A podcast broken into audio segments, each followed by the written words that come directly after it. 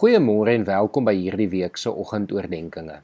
Ons staan hierdie week bietjie stil by die gemeenskap van gelowiges. In die apostoliese geloofsbelijdenis bely ons dat ons in 'n heilige, algemene Christelike kerk glo, die gemeenskap van die gelowiges. Met ander woorde, die gemeenskap van gelowiges word beskryf as heilig, algemeen en Christelik.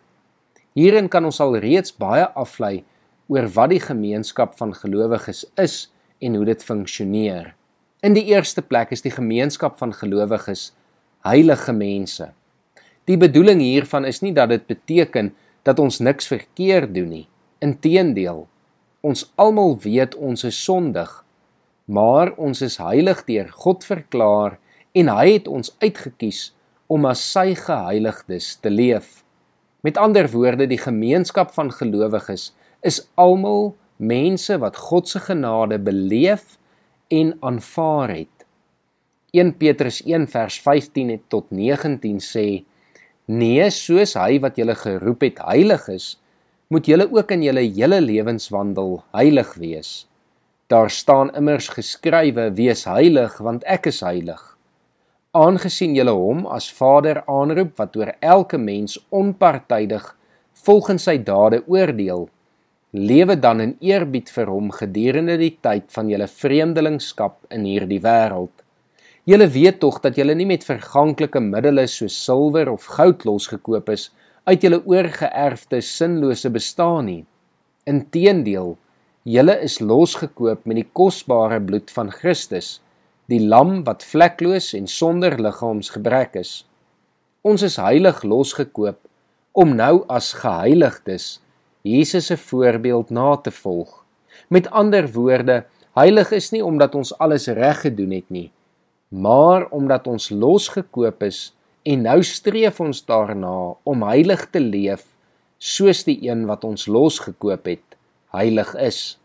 Maar hierdie is nie iets wat ons net vir onsself kan hou of kan toeëien nie. Nee, hierdie is vir almal bedoel. Daarom bely ons dat die gemeenskap van gelowiges algemeen is. Dit sluit alle mense wat Jesus as verlosser bely in. Dit is nie 'n eksklusiewe groep mense nie. Nee, dit is vir elkeen wat in Jesus glo.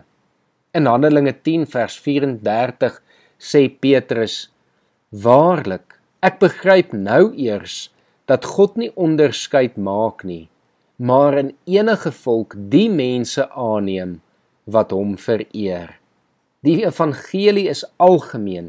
Dit moet algemeen bekend en beskikbaar wees vir enige iemand wat glo. En so moet enige iemand dan welkom wees om deel te word van die gemeenskap van gelowiges.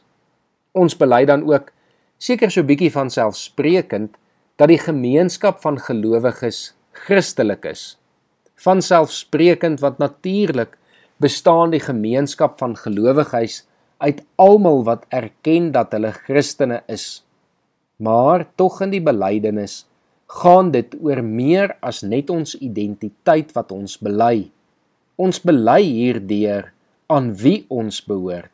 Ons behoort aan Jesus Christus wat ons uitgekoop het. Ons is almal wat Jesus as verlosser bely sy eiendom Christene. En so vorm ons almal saam die kerk die eklesia die samekoms van gelowiges. En daarom is dit so belangrik dat ons bymekaar sal kom om kerk te wees om gemeenskap met medegelowiges te ervaar en as liggaam van Christus te kan funksioneer. Kom ons bid saam Here, dankie vir hierdie pragtige belydenis wat ons al vir eeue saam met ons in die tradisie in die liggaam as Christene kan dra en tot vandag toe kan bely en erken. Dankie vir gemeenskap van gelowiges. Dankie vir mense wat U geroep het om heilig en onberispelik vir U te kom leef, Here. Dankie dat dit algemeen bekend is oor die wêreld dat enige iemand deel kan wees, Here en dankie dat ons kan weet ons behoort aan U. Help ons dan vandag om ook in al ons doen en late U te verheerlik en ons medegelowiges te help en te ondersteun en saam so u koninkryk te bou. Amen.